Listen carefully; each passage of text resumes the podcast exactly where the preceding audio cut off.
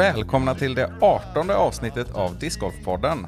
Välkommen Simon. Tack så mycket.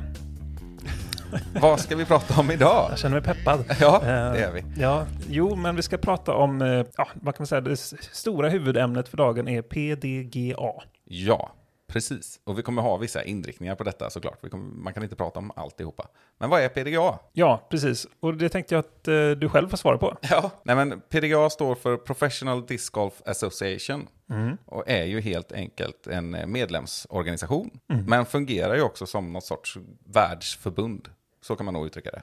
Ja, precis. Det är liksom där alla standarder sätts liksom. Och det enda som vi har att luta oss mot egentligen om vi inte vill hitta på någonting själva. Och när vi pratar om standarder så är det ju då att det är PDGA som har regelboken. De sätter standard för allt ifrån hur banor får vara eller hur korgar ska se ut inom vissa mått eller vad det nu kan vara, eller diska för den delen, eh, ska godkännas utifrån deras standard då. Sen har de ju också det som vi ska prata lite extra om idag, ratingsystemet. Ja, en snårskog för många. Verkligen, och vi har ju fått in lite frågor om det, vilket vi kommer att återkomma till. Mm, precis, vi kommer också ta hjälp av en annan person som vi tror kan eh, mer än oss Ja, om just ratingsystemet. ja men exakt. Vi kommer ju ringa upp eh, Per Henriksson, eh, våran eh, Linköping-kompis, Ja, som är duktig på att grotta ner sig i sådana här typer av ämnen och regelfrågor och annat. mm. För det kommer vi också kolla på nämligen, några, några regler. men jag tycker att vi ringer upp honom direkt faktiskt. Ja, men det gör vi. Vi kör.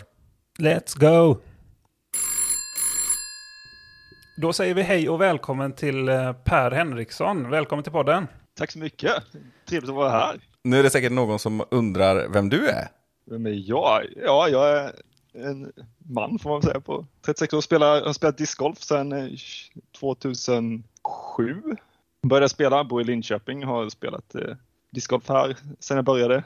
Eh, ganska aktiv i föreningen eh, Linköping Discgolf. Numera känd som LUFS. Just det, nu är det helt ihopslaget ja. Ja, precis så är det. Jag har haft eh, extra insatt styrelsemöte om det, så att det har gått igenom nu. Mm. Eh, har väl ett ganska stort intresse för regelfrågor bland annat. Eh, brukar dyka upp i Facebook-diskussioner och på, påpeka saker och säga saker och fråga om man har tittat i regelboken om vad som faktiskt står och lite annat. Ja, precis. Och vi, du, du är med här för att vara lite expert när det gäller PDGA-rating till exempel. Du är ju ändå inte liksom någon officiell talesperson för PDGA eller något sånt där, det ska vi ju påpeka. Men du är ändå våran expert. Jag har väl grävt mig ner i hur ratingsystemet fungerar och tycker det är kul med matematik och siffror och annat. Ja, precis. Jo, men kunnig, insatt och eh, rutinerad. Ja. Så kan vi sammanfatta det. Ja, men exakt. Och eh, du och jag Per, vi har ju en delat klubb ihop. Vi var ju i, eller jag var ju också i Linköpingklubben under ett par år och eh, så. Så där lärde vi känna varandra lite grann. Precis. Och eh, du och Rickard har väl varit lite tjenisar, men inte, kanske inte lika mycket, vad ska man säga, bekanta som vi två kanske då. Nej, precis. Men vi har ju sprungit på varandra och spelat rundor och allt möjligt.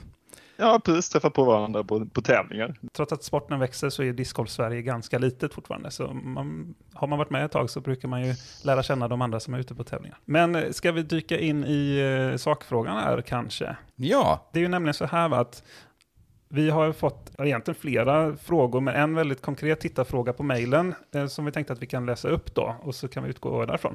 Det är så att det är en herre vid namn Hampus Aronsson som för ett antal månader sedan skickade ett mejl och eh, då står det så här. Hej, kul med er podd, riktigt proffsig, keep it up. Tack så mycket. Tack tackar, mycket. tackar. Tack, tack. Eh, Jag är en i den stora mängden nya utövare som börjat det senaste året, så jag har inte full koll på riktigt alla delar och komponenter. Ni pratar ofta om spelares rating. Skulle ni kunna berätta lite om ratingsystemet? Vad är det som avgör vilken rating en spelare, en bana eller en runda har? Har det gått, Hampus? Och där kanske vi kan börja direkt, för det är väl inte riktigt så att både en spelare och en bana och en runda kan ha en rating, eller hur Per? Nej, det, det, det, det kan man nog inte säga. Jag brukar säga, jag tycker att många förväxlar ratingsystemet med hur handikappsystemet i golf funkar. Mm. Och det ska man inte riktigt göra, tycker jag. Utan hur man ska beskriva rating är väl att det är egentligen hur bra man är på att spela mot andra spelare. Mm. Eller, eller som PDGA säger, hur, hur bra man är på att spela mot en SSA-spelare, det vill säga en 1000-ratad spelare, en fiktiv 1000-ratad spelare. Mm.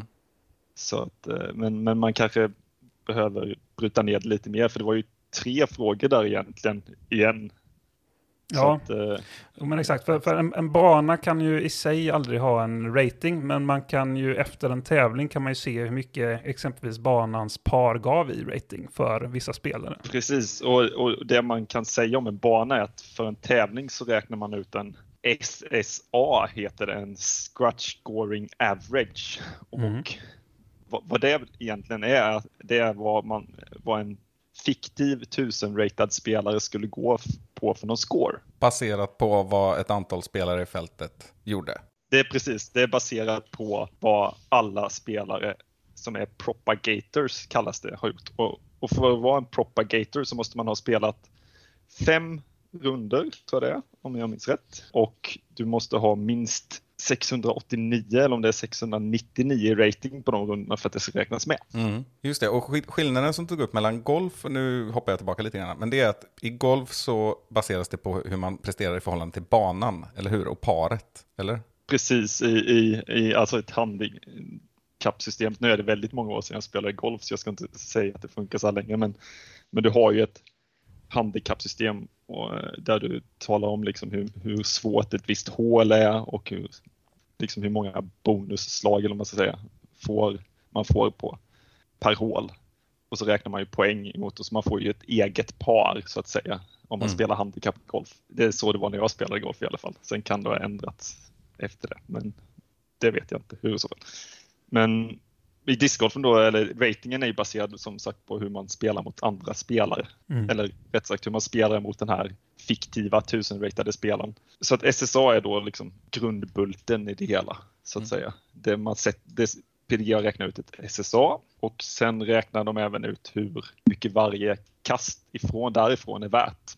Just det, för det är, man, man brukar säga att det generellt är ungefär 10 ratingpoäng per kast, men det varierar ju ändå ganska mycket har man sett. Eller ja, ganska mycket, men det kan variera en del från tävling till tävling. Ja, det, 10 säger PDGA är sin standard och eh, är det en lättare bana, eller alltså en bana där det är väldigt svårt att få en separation i scorerna. Till exempel om man spelar en bana som väldigt många korta par treor, då är det Mm. väldigt lätt för många spelare att göra bra score. Då blir varje kast värt lite mer för det är liksom svårare att separera sig från de andra. Liksom. Men om man spelar en svårare bana, tänk USDGC eller någon annan proffsbana så, så är det ju, blir det en mycket större separation i score och då, eh, då blir varje kast värt mindre liksom, som man separerar sig ifrån. Mm. Så, så att liksom spelar man en normal svår bana, jag vet inte vad man ska benämna som normal svår. Vi kan ta Rydskogen i Linköping. I somras hade vi nio kast ungefär.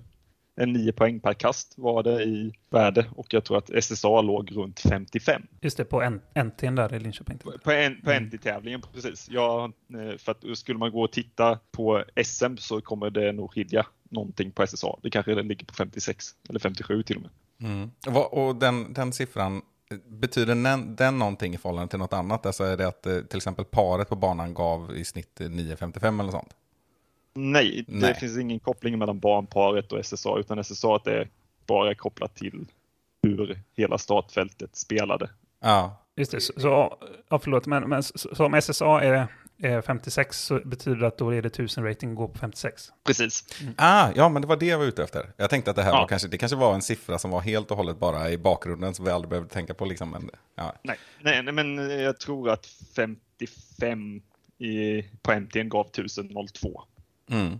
till exempel. Så att, eh, så att det är ingen, det är ingen så här jämn siffra utan det är decimaler, men det skrivs aldrig ut förr när jag började spela. Då skrev faktiskt PLGA ut SSA för varje tävling. Mhm. Kunde man se vad SSA var, men det har tyvärr försvunnit från deras hemsida. Ja, det hade varit ganska pedagogiskt annars om man hade med det. Då hade Mm. man fått eh, ja, mer förståelse för Precis. systemet. Mm.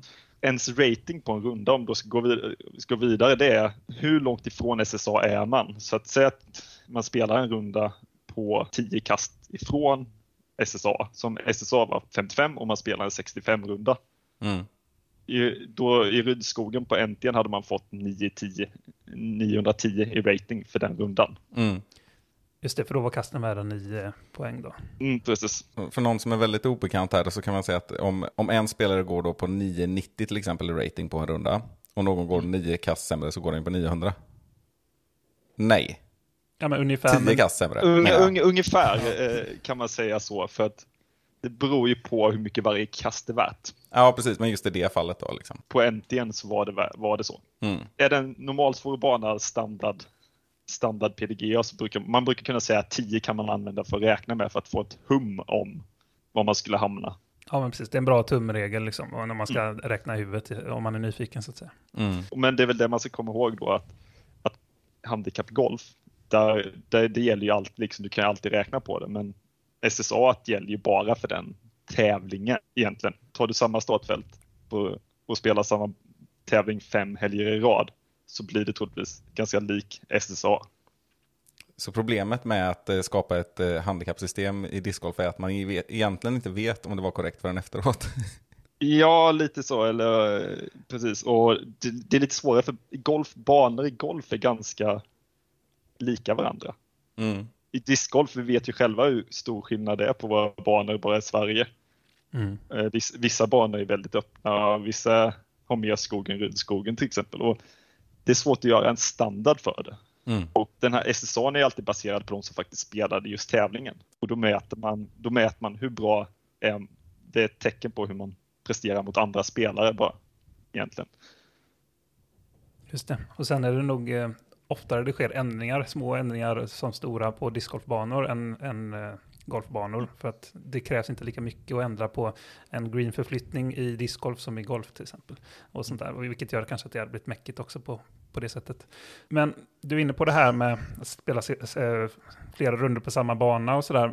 För där kan ju ändå många, tror jag, fråga sig hur kommer det sig att när jag gick en tävling här för ett halvår sedan på den här banan så gav paret, säger vi, 900, men nu gav det 930. Kan, kan du förklara lite vad, vad som kan göra skillnaden från gång till gång, liksom sett till ratingen? Ja, det är väl att eh, det beror på vilka som är med och spelar lite. Att folk spelar sämre kanske. Mm. Det var, kan ha varit sämre väder, men inte så mycket sämre väder att, att det behövde kryssas i PDGA-rapporten att det var speciella väderförhållanden. Vissa hemmaspelare kan inte vara med den ena gången, men andra, oftast brukar hemmaspelare spela bra på sina hemmabanor till exempel. Det, det är många sådana här som, faktorer som spelar in. Liksom. Hur spelade folk? Liksom, spelar alla bra? Spelar alla dåligt? Blåste det lite mer? Liksom, Mm. detaljer. Det är svårt att säga exakt vad det är som avgör, men, men kommer man ihåg att SSA då alltid, den är bara per tävling, liksom, då kan det skilja sig. Och PDGA säger ju det att de flesta spelarna, om man tar deras statistik, de spelar oftast tre kast inom sin rating. Mm. Två av tre, två av tre runder spelar man tre kast eller mindre ifrån sin rating. Mm. Och sen en av sex runder spelar man sämre än sin rating och en av sex spelar man väldigt mycket bättre än sin rating. Men om man tittar på tid så blir det ganska jämnt. Så ofta spelar man bra, men det kan vara så här, är det en stor tävling, då kanske många är mer nervösa. Men är det en lokal C-tier, ta högtid som är vår lokala tour i Östergötland och mot en del en SM-tävling. Liksom. Det kan vara mer press på vissa att spela bra på ena tävling som gör att de spelar sämre. Mm. Så det finns många andra faktorer som spelar in. Hur, hur stor faktor är det hur startfältet ser ut från början om man säger så? Alltså hur, hur mycket tjänar startfältet som helhet på att det till exempel är väldigt många spelare med hög rating? Lite så som jag har förstått det, ska man säga. Jag har inte räknat precis på det, men du tjänar lite på det. Men samtidigt så måste du spela väldigt bra också. För att bra spelare förväntas spela bra för de har hög rating. Mm. Så de, de måste spela, har du 1040 rating så måste du spela mycket bättre än SSA. Säg Rydskogen, Linköping 1040, det säger att det är fyra kast, en 51 runda. Mm. Ganska, ganska bra. Så att dels som du själv måste ju fortfarande spela väldigt bra. För spelar du bra på din rating så tar matematiken i, i ratingsystemet oftast hand om det. Men alla spelar ju inte alltid bra. Det är alltid några toppspelare som spelar dåligt i en tävling. Mm. Och då, om du då har lite lägre rating och faktiskt spelar lite bättre än vad du brukar göra eller bara ditt eget spel, men de bra spelarna spelar sämre, då pressas SSA åt, åt fördel åt dig. Liksom, så, att, så länge du själv spelar bra så tjänar du på det. Mm. Men då kan man säga att det är, det är egentligen en faktor som inte, i alla fall inte större än någon annan, kanske till och med mindre än de andra faktorerna som väder eller om det bara är hemmaspelare och så vidare. Precis, är det en bra tävlingsbana? Sen hur man definierar bra, men en inte jättelätt bana som är utslagsgivande, då spelar det väldigt lite roll. Men det är en bana där det är väldigt lätt för alla att göra bra score. Då, Mm. då spelar det större roll hur startfältet ser ut, för då tjänar du på det. För då är det lättare för någon som är inte lika högratad att spela bra. Eller inte lättare, men det är svårare att separera startfältet, vilket gör då att de bra spelarna har väldigt svårt att vinna med mer. Säg att man har 18 par treor. Du kan inte göra i stort sett mer än birdie på alla hål. Kanske några ace också, men, men det är väldigt svårt. Men samtidigt kan väldigt många som kanske är 9-20 ratade göra väldigt många birdies också. Mm. Då får man ingen separation och då, då tjänar man ju på det, för då är det lättare att ta sig förbi SSA. Just det, som lägre ratad spelare känner man på det.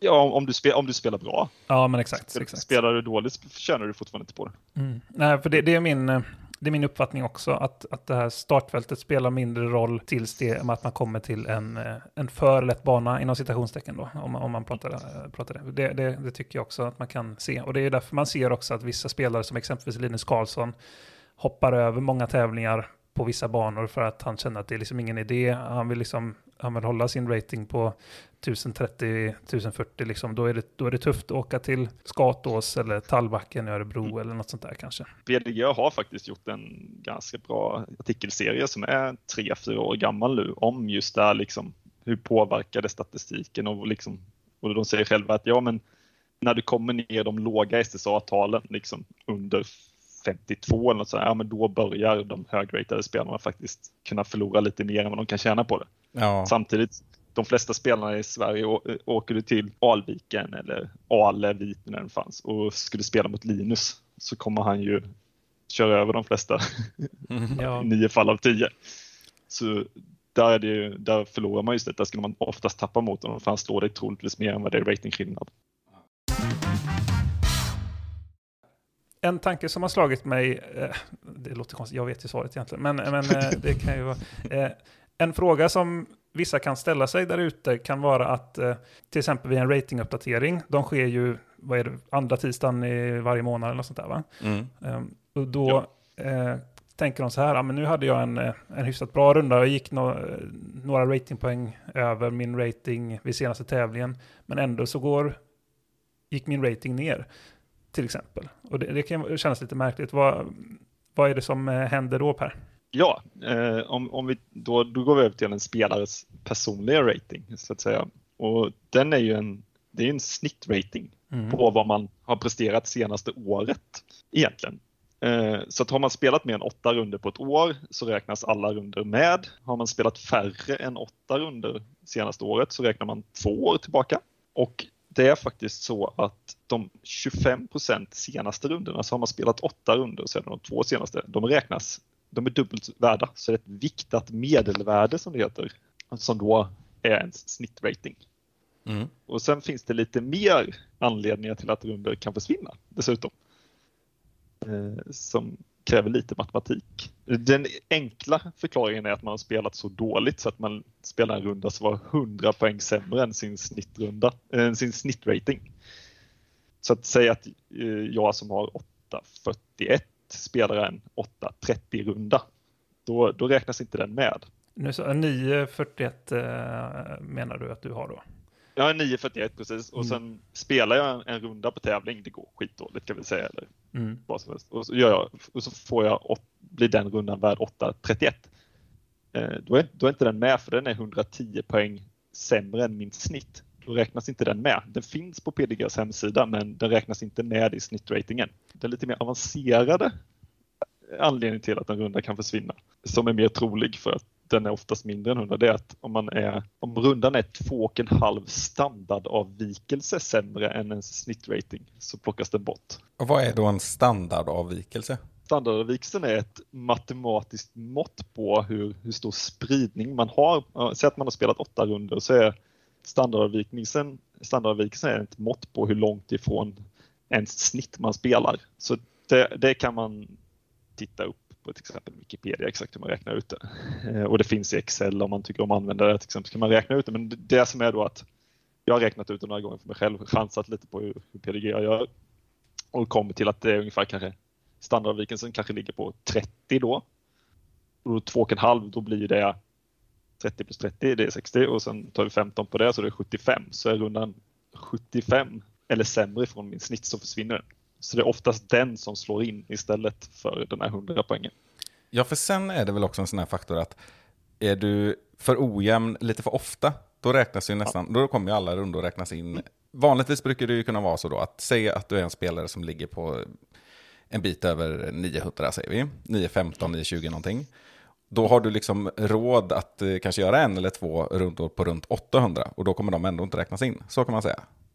Precis, men om du skulle göra en på 800 så är de ju mer än 100 från. Men du kanske har råd, spelar du väldigt stabilt, säg att du spelar stabilt runt, du ligger på 9.15 och du spelar de flesta rundorna på någonstans 8.90 kanske till 9.45. Mm. Då, då kanske du kan göra en runda som ligger någonstans eh, runt så här 8.30, 8.40 och den inte kommer med. Men är du en spelare som kanske ligger på 9.30 till exempel och så gör du två 9.80 runder och sen gör du en 8.58 runda. Mm. Då kanske 8.58 tas bort för att den var fortfarande dålig men sen gör du en dålig runda till och då, blir din, då är du ännu mer liksom inte så stabil i ditt spel. Och då kommer den med tillbaka. Just det. Mm. Din standardavvikelse ökar för att du är inte stabil i ditt spel. Liksom. Nej, Så- precis. Och är man, det finns ju sådana här spelare, nu kanske vi drar till lite extra här, men det, säg att man eh, regelbundet i någon mening kanske spelar 1000-ratade rundor och sen 800-ratade rundor, lite för mycket av båda så att säga, då kommer ju allting räknas Ja. in ändå. Eh, Precis, Och sen, då har du väldigt stor spridning i dina runder. Liksom. ja. Nej, och det här, här, här finns det ju sådana exempel. Jag hade en väldigt bra period 2019 och då reagerade jag, för då gjorde jag en, en dålig runda på SM och då räknades den inte in och den var 9.33. Och det, Mm. det, då har jag, all, jag har aldrig varit mer imponerad av mig själv. Det, det, det är faktiskt ganska bra. Det, det kan jag väl dra då. Jag tror senast vi spelade ihop på en NT, eh, eh, om jag minns rätt, så var det väl nere i Kalmar. Tror jag, då tror jag jag gjorde en 990-runda, en, en 980-runda. Sen gjorde jag en 853-runda också och den försvann. Sen kom, kom den tillbaka när jag spelade lite sämre lite senare. Så det finns lite så detaljer i systemet där som gör att liksom, är du stabil spelare så tjänar du på det. Sen har jag ju också noterat någon gång att det var vid något tillfälle jag var inne och kollade, att då var det ju Paul Macbeth fick ju någon runda på 9,80 tror jag. I alla fall över 9,70 och det räknades liksom inte in. Nej. Och det, det är ganska imponerande. Men, Men- han, det- en dålig runda för det- honom är ju 1010 liksom. Mm. Sen kan vi ska säga det också att Paul Macbeth spelade ju väldigt dåligt på USDGC för några år sedan och de rundorna räknas inte med. Men det är för att USDGC är inte en ratinggrundande tävling. Nej, just det. Hur bra den spelar är så kommer du inte få någon rating för det, för det är en X-tier som det heter för att de har specialregler och då räknas inte den med. Nej, precis. Och det, det beror i det fallet på att den har så mycket konstiga grejer för sig. Så kan man säga så? Ja. Lite Ja, det- lekmannamässigt. Ja, Det nämnde vi faktiskt i ett tidigare avsnitt. Ja. Eh, Just att den är, de har ju lite så här speciella OB och mandoregler och sådana saker. Och då kan man ju säga, säga om rating också att oftast när man spelar en tävling, jag är sån i alla fall, tror de flesta som har rating tycker det är kul att kolla direkt efter första rundan. Så, ah, vad fick jag för någon rating? Och så har man sett så här, ja ah, men jag fick eh, 9,50 för den här rundan. Och sen fyra veckor senare när det kommer in, när PDG uppdaterar ens rating, Mhm.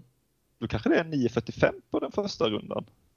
Då tänker man, jaha, men, men det var ju 9,50 när jag kollade på tävlingen. Och det är för att PDG gör en preliminär ratingberäkning när man skickar in det i systemet. Som alla TDs gör och som man kan göra direkt liksom online. Men sen gör de en ny körning när den riktiga ratinguppdateringen kommer och då är det som är den rätta beräkningen. Liksom. Då gör de mer beräkningar. Mm. Eh, Så att de, de lägger, gör lite handarbete eller så, ser till att kolla siffrorna mer. Det är likadant med SM Västervik i år. Det var det ganska stora ändringar från den preliminära ratingen till slutratingen. Ja, det var det nog ja. Men, och det där med fem poäng, det brukar ändå vara lite undantag, säger min känsla. Om man går på magkänsla. Ja, här. Jag drog väl kanske till med lite extra stor siffra, men det, ett eller två kan ju skilja. ja, det är nästan en regel då. Och det är ju för att är det jämna väderförhållanden på en tvårunders tävling så används ju båda rundorna för att räkna ut SSA. Mm. Och det är därför också som i Västervik då, SM, att det blir lite andra skillnader. Där är det för att vi som var där vet ju att det regnade ganska mycket och var väldigt speciellt väder. Så att då gör ju PDG lite extra beräkningar för att göra det. Och då kunde skilja också ganska mycket mellan rundorna från en dag till annan också. Upplever du att det här är ett bra system? Alltså för dig personligen, vad, eh, alltså, känns det bra och hyfsat tydligt och eh, fun- välfungerande? Liksom? Eller finns det någonting du skulle vilja förbättra med det här? Jag skulle väl, skulle jag få välja så skulle jag vilja dels att PDGA är helt transparenta med hur allt beräknas. För det är det som är nackdelen. Du kan ju faktiskt inte få reda på exakt hur de beräknar alla de här sakerna. Det är ju Mm. hemligt. De har skrivit ungefär på sin hemsida hur det funkar. Men, men exakt matematiskt hur det funkar skulle jag gärna vilja se. Mm. Det är kanske för att jag tycker det är kul med matematiksiffror och sånt. Och jag tror för den gemene, gemene spelaren så hade det varit bättre med ett mer lättförståeligt system. Tror jag. Ja, jag håller helt med. jag skulle nog säga att matematiskt sett är det ett ganska bra system som är ganska stabilt. Det finns garanterat bättre system implementerade numera. Men det funkar nog, tror jag, till det man, an- man ska använda det till. Om man ser det som ett mått på hur bra man är att spela mot andra spelare så tycker jag det funkar helt okej. Men Mm. det skulle kunna vara lättare att förstå. Mm. Men vad skulle du säga till dem som, för det finns ju ändå några som säger där ute att eh, jag tycker vi ska ha samma system som i golfen, i discgolfen. Vad säger du om det? Spelar du tävlingsgolf så är det fortfarande antal slag som gäller. Visst, man kan ju spela handikapptävlingar och sånt också, men nej, jag vet inte. Jag, jag tror det skulle vara svårt att få bra handikappsystem Mm. eh, som gäller över hela Sverige, som går att använda överallt. Då tror jag det är bättre att jobba mer för hur vi ska dela in klasser på tävlingar och sånt så att det blir mer rättvist. Liksom. Ja, och vill man spela med polarna och göra något typ av handikappsystem så kan du göra det som vi pratade om, att räkna 10 ratingpoäng blir ett kast i handikapp. Liksom. Det, Eh, det brukar funka bra. Mm. Så, så får man i alla fall eh, någon typ av handikapp som är ganska så sanningsenligt.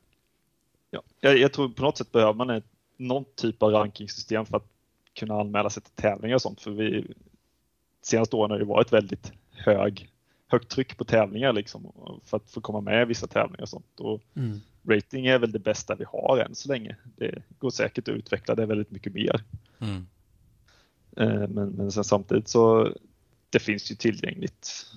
Och jag tror att det är jobbigare att bygga ett helt nytt system. Mm. True that. Ja, verkligen. Ett problem som jag har sett, eller kanske mer hört om, är att det kan bli lite känsligt beroende på var du befinner dig i världen. Att det var ju en period som det var tal om att Estland till exempel hade, låg mycket lägre rating än de egentligen borde. Och eh, om man jämför med till exempel USA och sådär. Och där, och där kan vara lite speciellt i och med att det blir så, eh, kanske speciellt under coronaperioden och så här nu när det inte har varit så mycket att man har, inte ens de bästa har liksom åkt cross-border så att säga.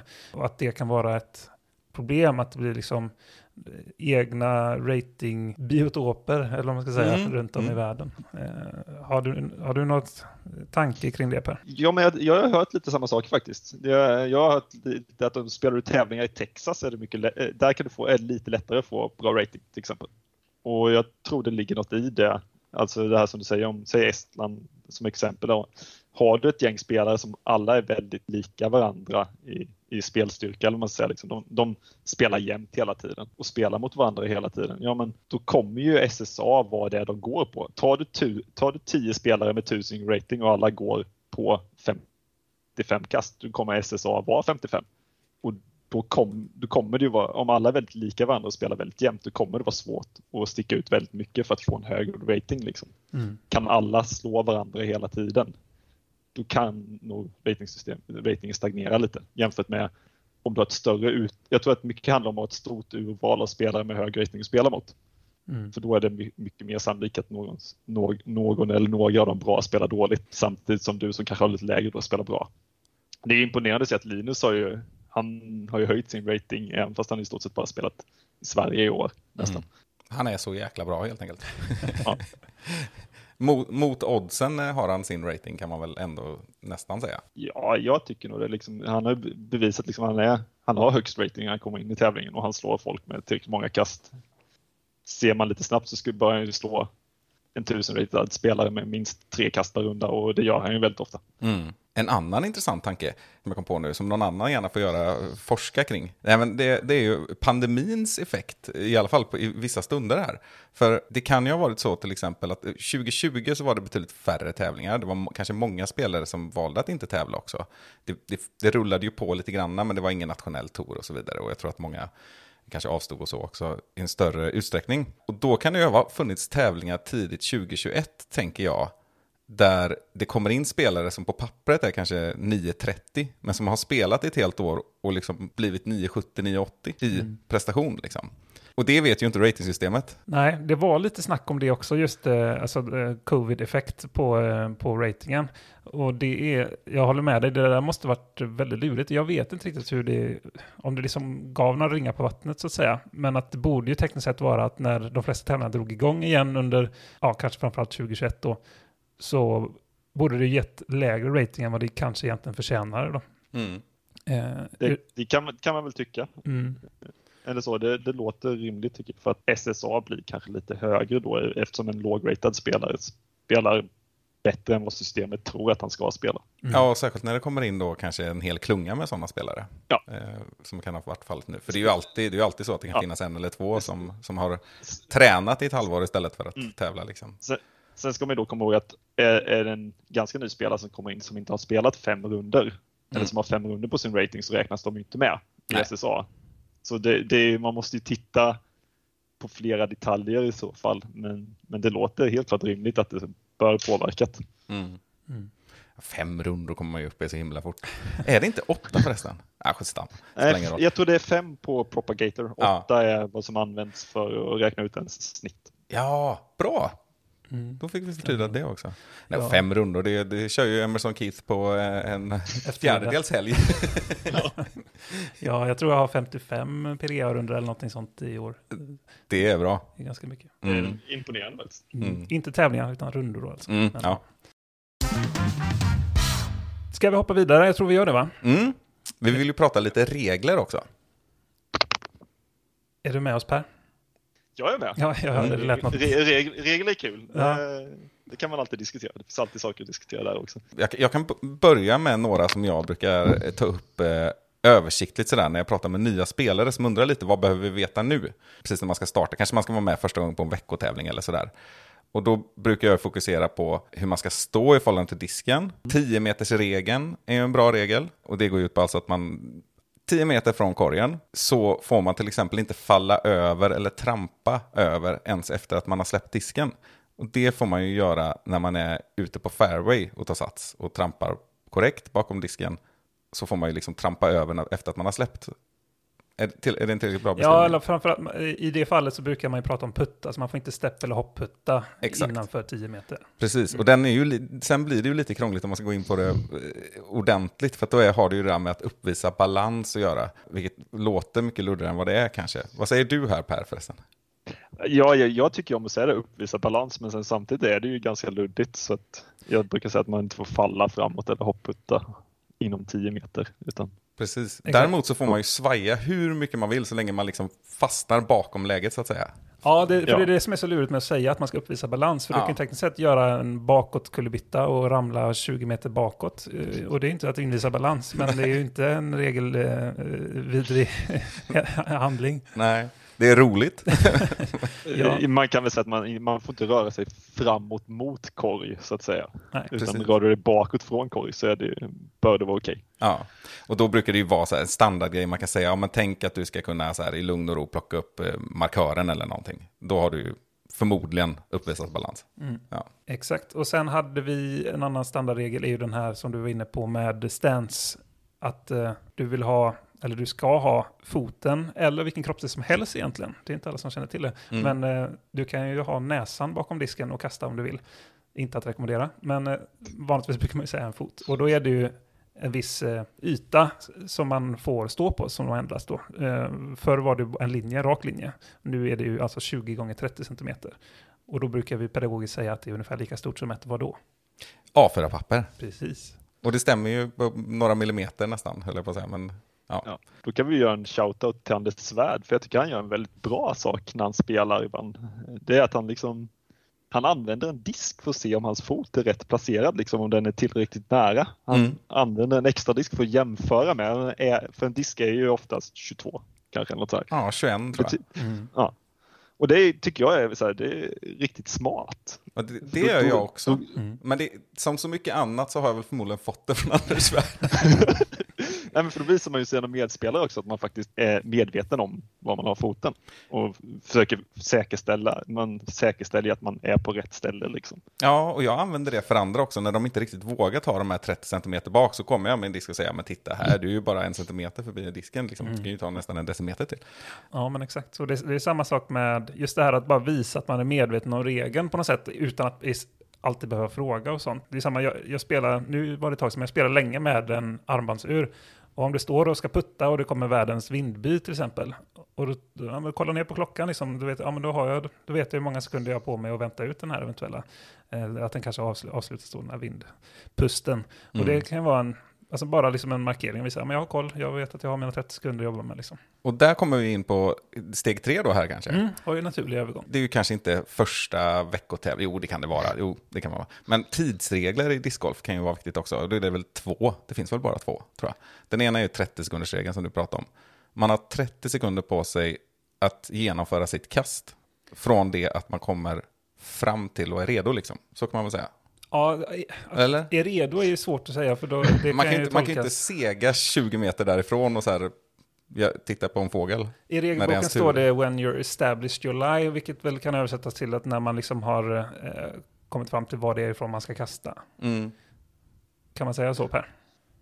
Ja, det skulle jag nog säga. Mm. Mm. Den, jag tycker ju den är lite luddig också liksom för att det bara, någonstans är, tycker jag är det, ja men är du redo att kasta det så att du vet var din disk ligger, Mm. det är din tur och det är fritt fram, ja men då, är det, då, då kan du inte skylla på att eh, du inte var redo. Liksom. Du ska vara redo då, är min åsikt. Ja, men Nej. exakt. För man kan inte riktigt fråga Nicolo Castro till exempel, är du, eh, eh, så här, är du redo? Eller så här, för, eh, det blir så här, han kan ju säga att han kan liksom hålla i disken och greja i massa sekunder och säga att nej, men jag var inte redo. Det, om det räknas för att han är redo menar jag. Mm. Ja, Fast det är också ett exempel, han står så länge just liksom är, ser redo ut från efter fem sekunder. Jo, och så går det 40-50 sekunder till. Det är väl mest Och det- ordvalet där som jag, som jag reagerar på. Ja, precis. Nej, men och sen, sen, då kan man också säga established ally, då, då kan man också säga att det, du får ju mer tid på dig även om det är din tur, om du till exempel ligger i ett buskage. Förstår du vad jag menar? Att Ja. så här, kan jag stå så här och man måste kanske liksom komma in överhuvudtaget. Liksom. Men 30 sekunders regeln i alla fall, den är bra att veta. Den är också ett bra, ungefärligt mått.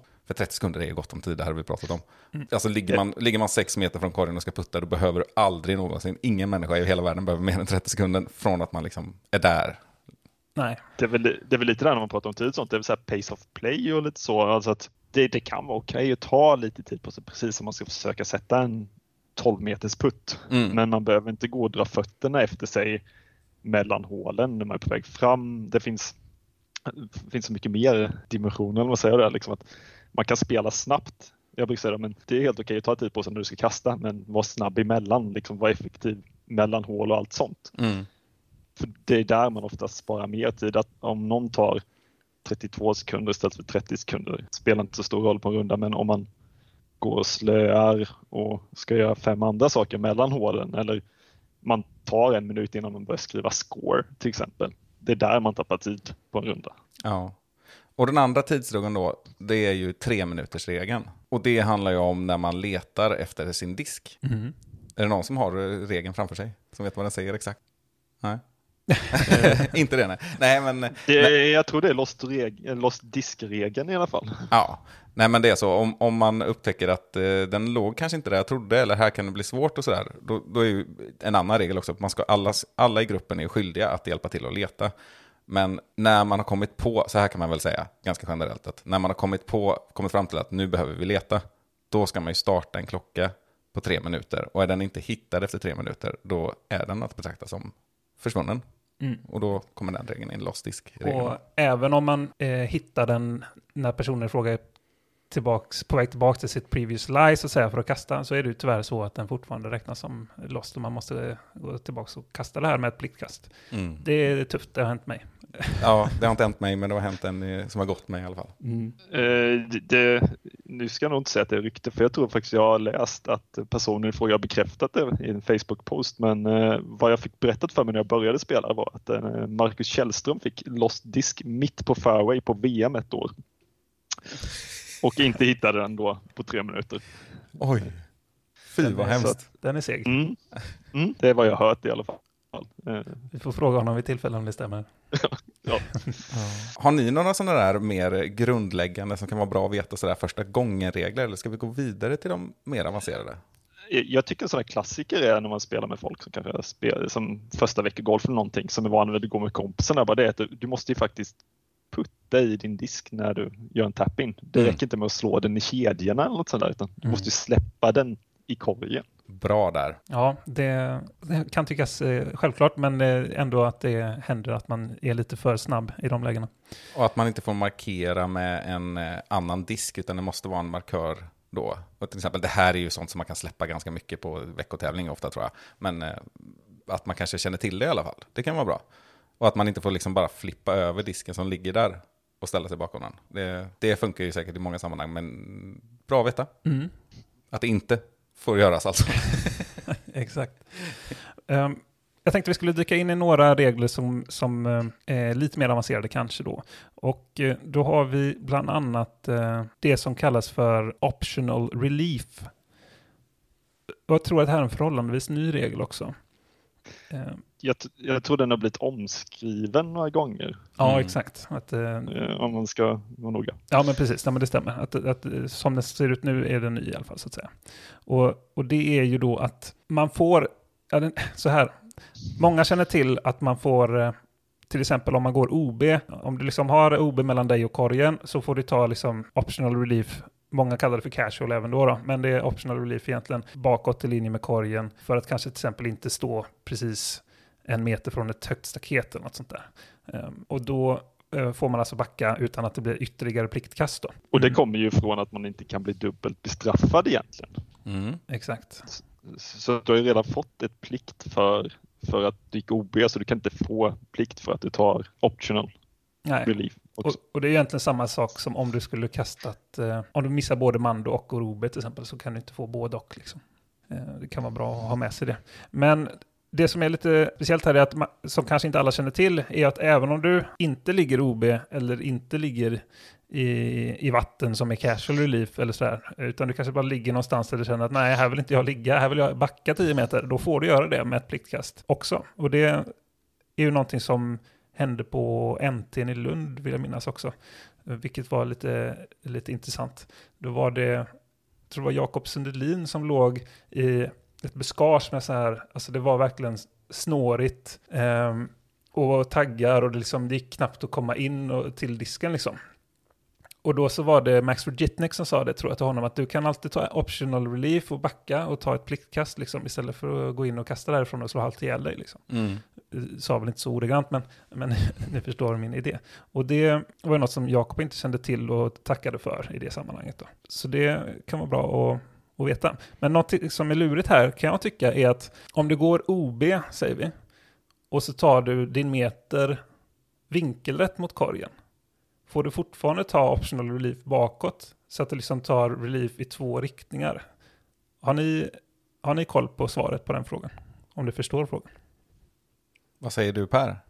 Ja, min, min, om jag tolkar det rätt, så, så länge du alltid bara rör dig i line of play från, bort från korgen så kan du utnyttja det så länge du inte liksom kommer in på OB igen. Och du, du får liksom inte ta en meter, om du tar en meter ut vinkelrätt då från OB-linjen och så rör du dig bakåt så du korsar OB-linjen igen, Mm. då får du inte ta en till meter ut. Men så länge du kan röra dig bakåt i line of play så får du ju ta den optional. Mm.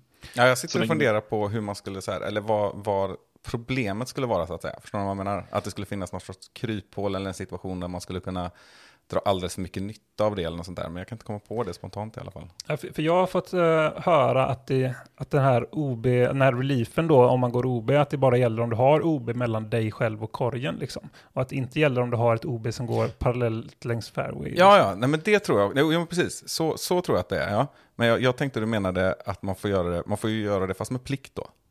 Nej, fast det går ju inte. Det, nej, för det är Nej, redan nej, OB. nej men det, det kommer ju till att, att i och med att du redan har blivit pliktad en gång så kan du inte bli pliktad för optional reliefen också. Och då är min tolkning i alla fall det att då får du flytta bakåt i line of play. Mm, just det, då har det ju egentligen inte något att göra med att man sen då ska korsa ett OB i praktiken.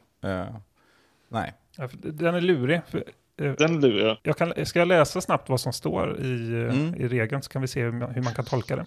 Det står så här nämligen, optional relief. A player may elect at any time to take optional relief by declaring their intention to the group. The lie may then be relocated by marking a new lie which is farther from the target and is on the line of play. One penalty throw is added to the player's score. Och sen så står det så här. No penalty throw is added if optional relief is being taken followed by a penalty taken for disc out of bounds or above 2 meters. Den här tvåmetersregeln behöver vi inte gå in på nu, den är mer special för Kalifornien. Mm. Nej men då, jag tycker inte det går att tolka på något annat sätt än att man får göra det. Eller? Det som skär lite i mig är ju den här att du, du tar först din meter åt sidan och sen bakåt. Det blir liksom att man liksom tar, det blir som relief i två olika riktningar då, om man inte har, om du har en OB-linje som är parallell med fairway. Mm. Men det är nog, det är ju så, eh, som jag har förstått att det är så som gäller. Det är bara Mm. att det känns lite konstigt kan jag tycka. Vad säger du här Per? Jag hade nog hållit med dig. Alltså sagt att ja men ta så länge det för i reglerna står det ju online of play Mm. och längre bort från korgen och då är det ju fortsätt liksom. Men Tills då, du hittar en plats du vill kasta. Det är, det är min tolkning i alla fall. Mm. då gör vi så att vi bestämmer att det är så här. Och om det inte stämmer, då kommer vi få veta det och då kommer vi ta upp det i nästa avsnitt. Exakt, exakt. Så ja, hör du ingenting mer så är det så här. Ja, Det för kan, kan, vi, kan vi säga redan nu då att om man har regeltolkningar och frågor så här, hur funkar hur det är tänkt, då går det ju att mejla PDGA för de har en så här mejla regelansvarig och de svarar, ibland svarar de på en halvtimme säger så att ja men så här är det tänkt. Så att om man tycker om att diskutera regler och man inte håller med varandra om det så kan man alltid mejla PDGA och fråga om inte, om inte reglerna svarar på det.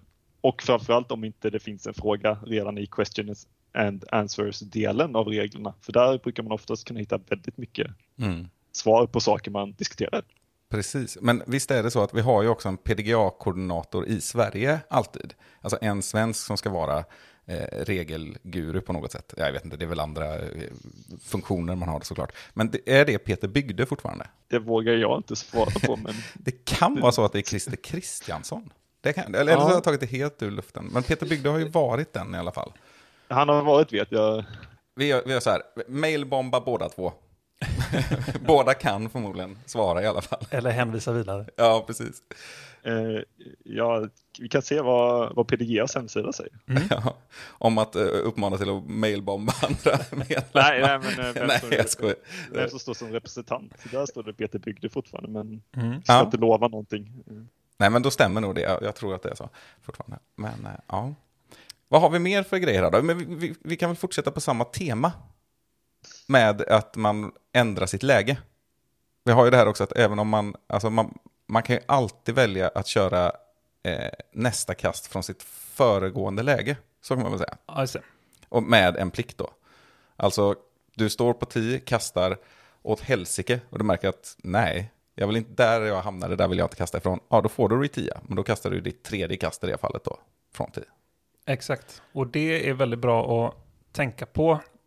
Det hände mig till exempel på en tävling i Alevit, sista tävlingen på Alevit by the way, där jag eh, tampade faktiskt om segern där, vilket var ju väldigt roligt mot eh, Tobias Söderqvist bland annat. Och eh, olyckligtvis så fick jag på hål 13 Ja, upphöjd korg, eh, par fyra dogleg left.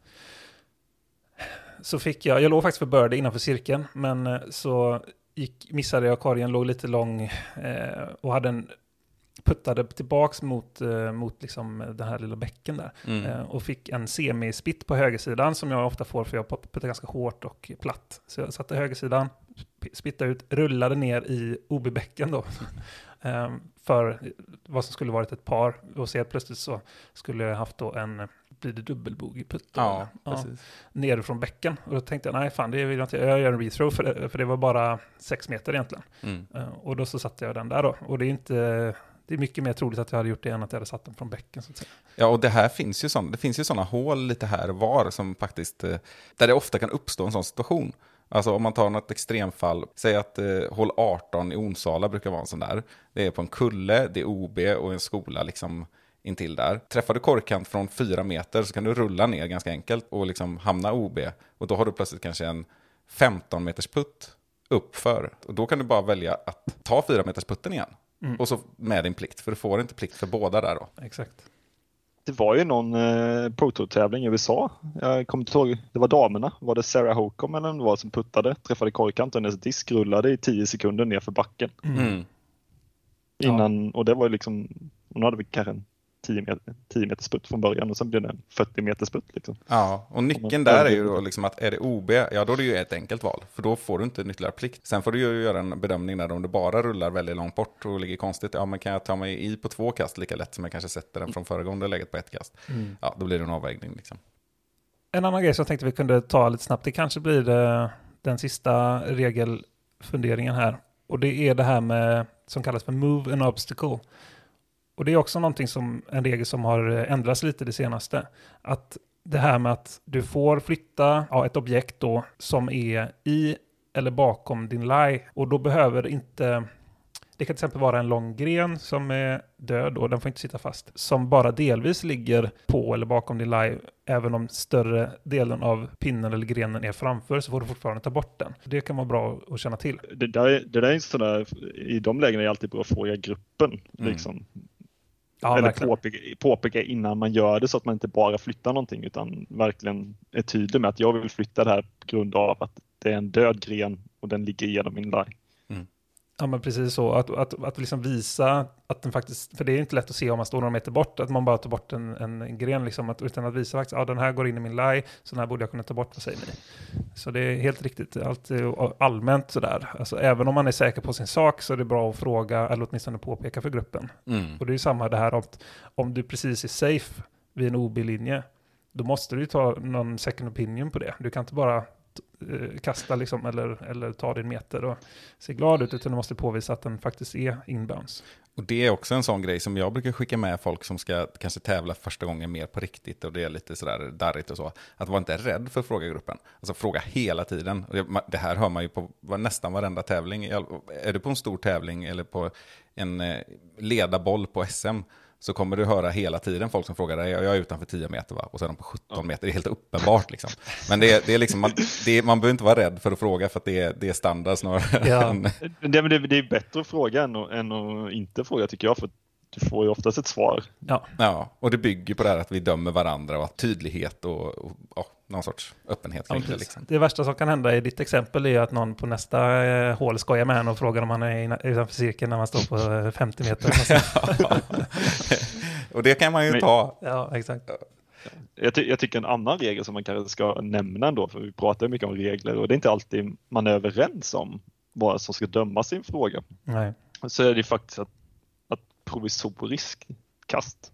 Mm. Om man, inte- om, man inte kan, om man inte kan hitta svaret i regelboken eller tolka det, ta det provisoriska kastet, spelat båda varianterna och skriv ner båda och sen frågar man TD i efterhand. Mm. Till exempel är vad, om det är en OB-linje som är, om någon OB-regel på något hål är jätteoklar eller vad som helst. Spela båda alternativen, fråga TD efter och så löser man det. Precis. Så blir det rätt. För det, för det, det är ofta man, man tvekar liksom och då är det bättre att ta båda så här. Kastar man och tror att sitt kast gick OB ut i skogen och man inte vet att man hittar disken Mm. kan man ju kasta en provisorisk direkt. Precis, och det har, ju, det har ju flera funktioner här också. Det kan ju till exempel vara att man redan på tid föregår det. Då har det också med effektivitet att göra. Men just det viktigt då att man påpekar det på förhand. Nu kör jag en provisorisk.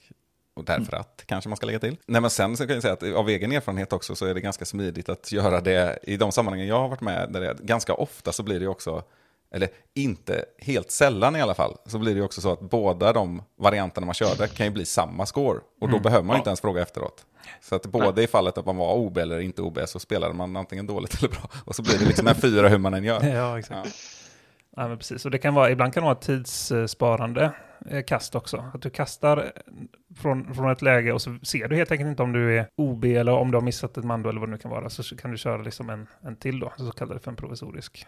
Nej, just det. Nej, men det, det, nej, det, det jag skulle säga var väl egentligen att om du kastar ett kast från 10 och så vet du inte om du har gått OB där det finns en dropzone till exempel, så kan du ta dropzone på vägen fram och kalla det för provisoriskt för att spara tid då.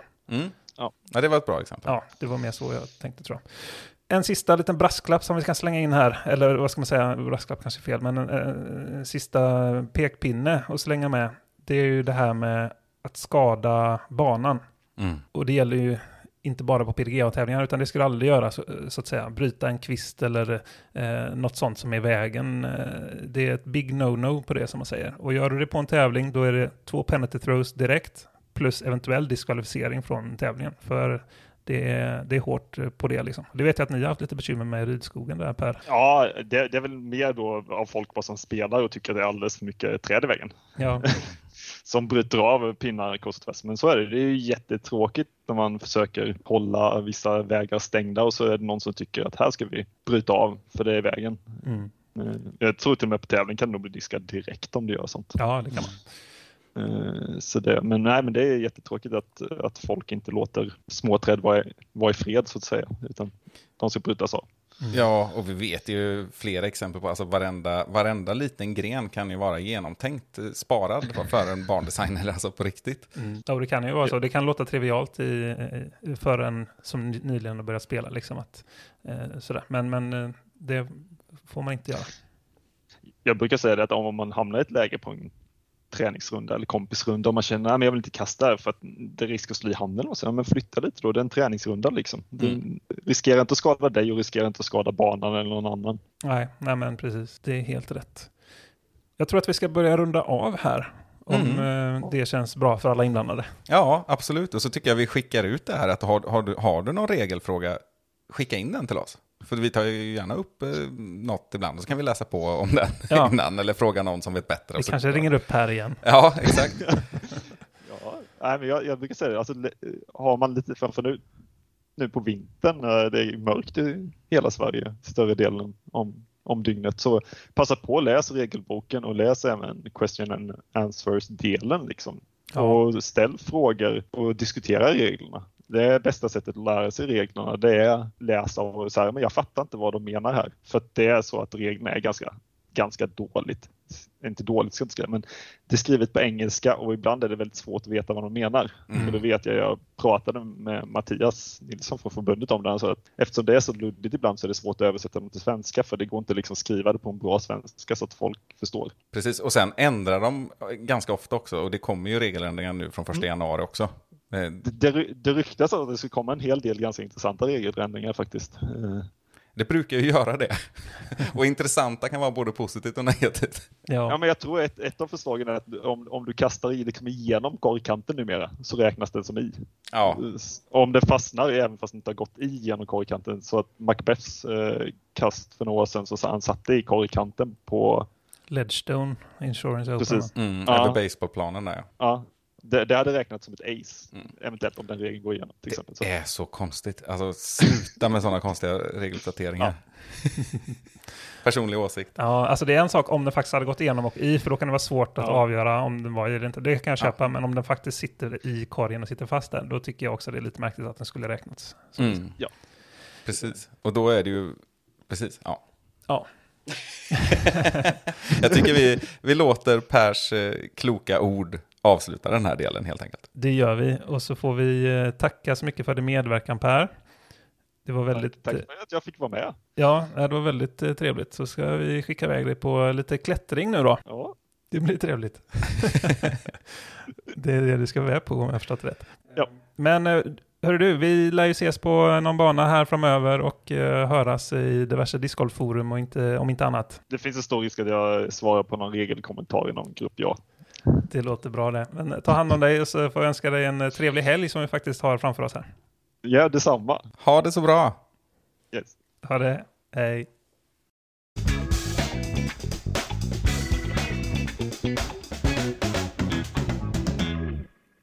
Nu har vi pratat så mycket om PDA-rating här som man blir snurrig i huvudet. Ja, rating och regler till förbannelse, höll jag på att säga. Ja. Men eh, det är ju bra och viktigt att känna till det här.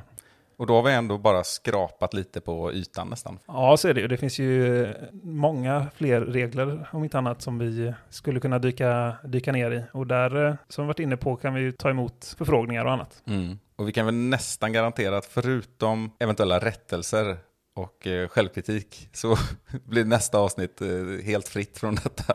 Ja, jo, det kommer inte vara lika mycket stadgar, kan man säga. Nej, precis. Eh, Det är väl tanken. Men eh, jag blir nästan sugen på att gå och klättra jag med, men det ska vi inte göra kanske. Nej, klättra på väggarna. ja, exakt. Vi får eh, klättra vidare på ett eh, bildligt plan istället. Ja, vi klättrar ner i soffan Ja, och tar det lugnt. Det låter gött. Ja. Och njuter av en trevlig fredagkväll, för vi spelar faktiskt in på en fredag den här gången. ja, det är inte vanligt. Nej. Men det passade bäst den här gången. Ja, så är det. Jag tycker vi tar och tackar för den här gången. Ja, det gör vi. Och så får vi eh, önska er en eh, fortsatt trevlig dag eller kväll. eller vad det nu är Vart någonting. ni nu är och när ni befinner er. Ja, exakt. Det är sånt där är så svårt att veta när man inte spelar in live. Nej, men då säger vi så, så, så hörs vi. Vi hörs en annan gång. Så får ni ta det lugnt där ute. Ha det så bra. Ha det gott, hej då! Me driving after tea. Weather's looking good. I got a disc bag full of tricks. Yeah, I got them spinning. I'm listening to music you can't hear. my magic plastic in the I'm a yes I am. Well, I'm a disco coffee, yes I am.